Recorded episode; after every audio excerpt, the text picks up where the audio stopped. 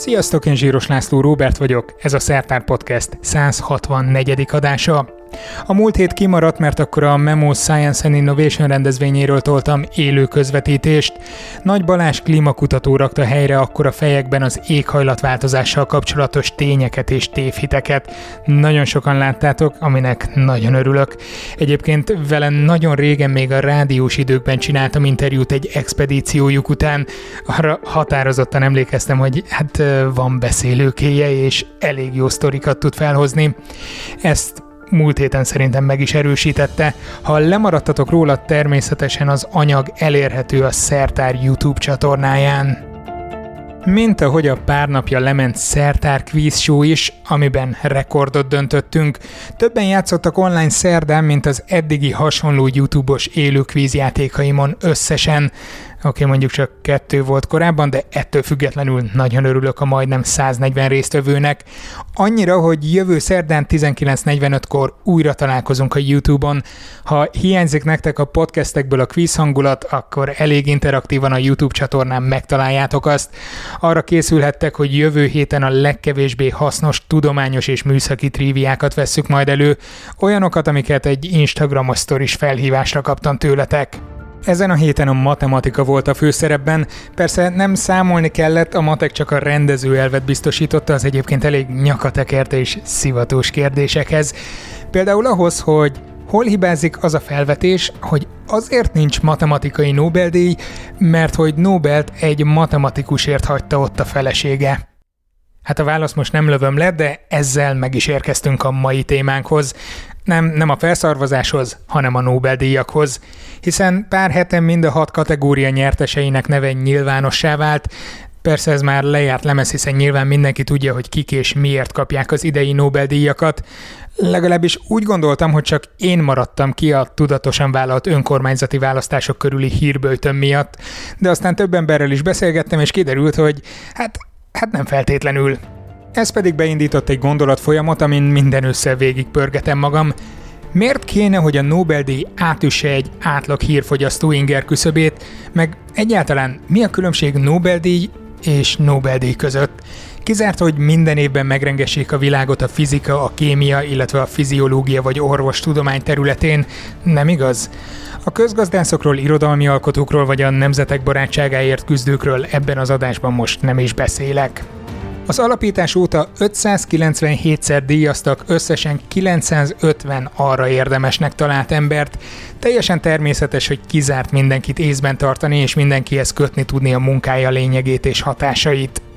Persze vannak a nagy ikonok, a Curie házaspár, Einstein, aki egyébként nem a relativitás elméletért, hanem a fotoelektromos hatás magyarázatáért kapta, vagy ott van a DNS-es Watson Crick és Wilkins hármasa, és nem a Rosalind Franklinnel kiegészített négyese, de hát a díj alapító akarata szerint legfeljebb három felé osztható a kitüntetés. Szóval nem jön minden évben egy röntgensugárzás, egy antibiotikum vagy egy maghasadás, és még mielőtt azt mondanátok, hogy miért akarom kisebbíteni több száz kiváló kutató érdemeit, szó sincs erről.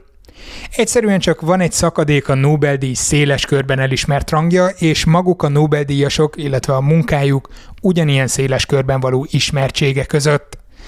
Ez persze visszavezethető a szokásos alapműveltségi dilemmához. Miért van szükség arra, hogy ilyen lexikális adatokkal tömjük a fejünket? Kicsit olyan ez, mint az olimpia, ahol annyi különféle sportág, annyi különféle versenyszáma van, hogy minden nemzet kiszemezgetheti a saját világ legjobbjait. Hiszen mi is Nobel-díjas kutatók kapcsán Szent Györgyi Albertet szoktuk leginkább emlegetni, miközben azért külföldi ismerősök előtt büszkén villantjuk, hogy milyen sok magyar vagy magyar származású Nobel-díjasunk is van, szemben velük. Gondolom hozzám hasonlóan mindenki kapásból, puskázás nélkül meg tudja mondani, hogy Gábor Dénes, Vigner Jenő, Bárány, Róbert, Zsigmondi, Rihárd, Békési György, Hevesi György, Olá György, Lénár Fülöp, vagy éppen Polányi János mikor és mire kaptak Nobel-díjat. Ugye? Hát akkor a nyilvánvalót szerintem ne is részletezzük.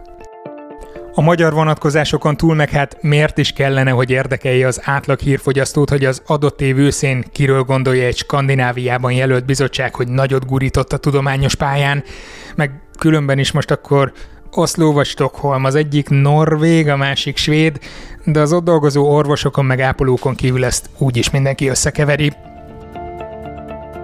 Mindebben a Nobel-díjas dilemmában az is szerepet játszik, hogy egyre mélyebbre ásunk egy-egy szakterületen szenzációs áttörésekért. Gyakran olyan mélyre, hogy nehéz a felszínen megvillantani a lényeget, ráadásul közérthetően, és úgy, hogy mindenki azt is értse, hogyan járul hozzá az adott felfedezés a mindennapjaink jobbá válásához. Az idei kémiai Nobelnél van talán a legegyszerűbb dolgunk ezen a téren, az ugyanis a minden mobiltelefon használó életét megkeserítő, folyton lemerülő lítium-ion aksik születése fölötti bábáskodásért járt. Szóval erősen hozzá tudjuk kötni a mindennapi életünkhöz, amikor délután már kezdünk konnektorra vadászni, vagy azon bosszankodni, hogy megint otthon hagytuk a töltőn a tartalék külső aksit. Ha nincs John B. Goodenough, M. Stanley Whittingham és Akira Yoshino, akkor valószínűleg valószínűleg ma másokat ünnepelnénk azért, hogy megteremtették az újra tölthető világot. Mert hogy az elektromos energia tárolásának fejlődése és a kulomzabáló eszközeink terjedése, vlogger kamerától az elektromos autózásig kéz a kézben jártak. A kényelmi szempontjainktól egyel hátrébb lépve nézve a képet viszont felsejlik a fosszilis üzemanyagok csökkentésének lehetősége is. Még egyel hátrébb lépve meg elgondolkodhatunk azon is, hogyha nem tudnánk minden kis elektronikai szírszarba a korábbi megoldásokhoz képest pihekönnyű energiatárolókat pakolni, akkor lehet, hogy a társadalom fogyasztói étvágya és környezetterhelése is kisebb lenne. Nem? Még hátrébb lépve pedig a Kongói Demokratikus Köztársaság kobaltbányáiban találnánk magunkat, de inkább térjünk vissza a díjazottakra, mert ez igen messzire vezetnek, különösen, hogy a kobaltot egyébként is igyekeznek kivezetni a rendszerből. Szóval a három idei Nobel-díjas vegyész közül van egy rekorder, John B. Goodenough. Ő a legidősebb valaha díjazott, 97 éves. Egyébként a Towards Data Science oldal végig is mazsolázta, hogy melyik díjnál melyik életkorban van a legnagyobb esély megkapni a kitüntetést. Bizony, a vegyészeknél ez 70 év fölötti kort jelent, de fizikusoknak is sanszosabb, ha betöltik a 66-ot, míg az orvostudományi területen már 52 évtől reménykedhetnek a kutatók. Az adatelemzés linkjét berakom a podcast leírásába, böngészétek, mert nagyon jó. No de akkor térjünk is rá a fiatalosabb témákra, az idei orvosi per élettani díjra. Ifjabb William G. Kaelin, Sir Peter J. Radcliffe és Greg L. Samanza voltak azok, akik ráéreztek az oxigénre, pontosabban arra, hogy ha megfejtik a sejtek oxigénérzékelésének a titkát, akkor jó eséllyel indulnak a Nobelért, és ez be is jött nekik. Viszont ez a téma már lehet, hogy nehezebben mozgatja meg a nagy közönség mindennapi életét, hiszen nagyobb kihívás belőle mindenki számára kézzelfogható terméket a piacra dobni.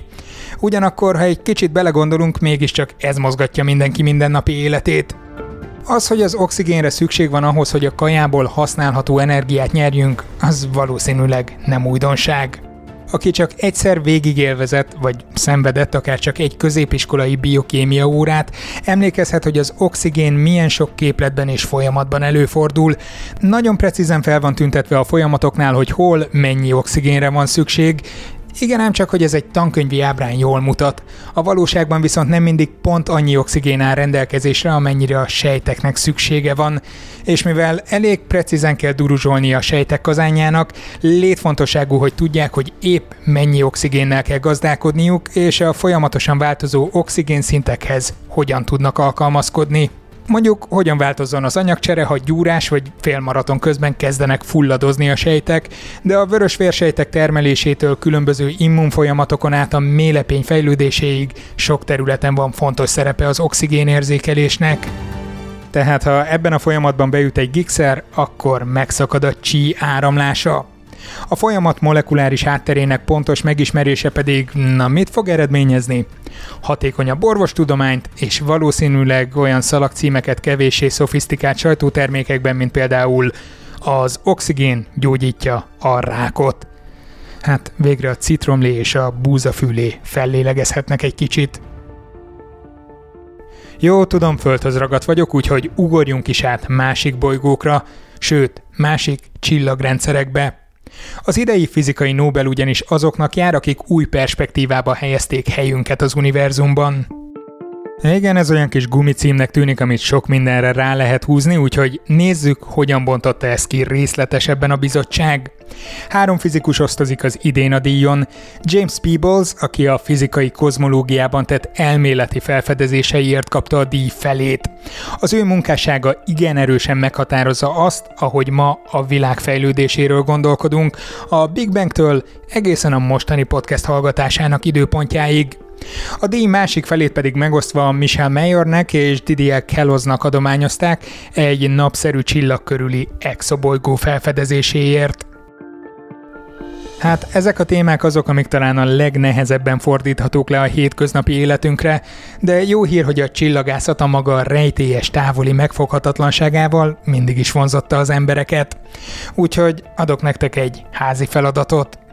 Ha Twitteren egy üzenetben meg tudjátok fogalmazni akár a fizikai, akár a többi idei Nobel-díjas munkájának a lényegét és betegeltek benne, hogy el is jusson hozzám, RBLC 81, akkor a legjobbak közül szemezgetni fogok.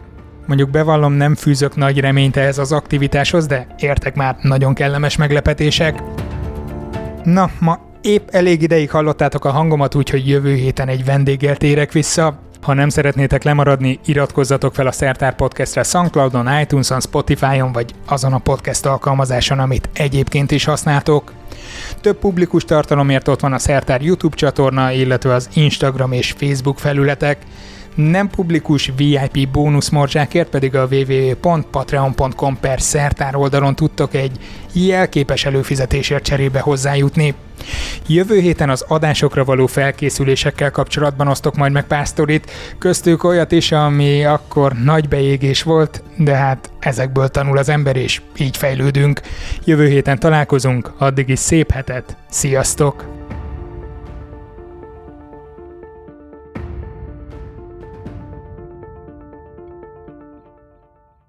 Ez a műsor a Béton közösség tagja.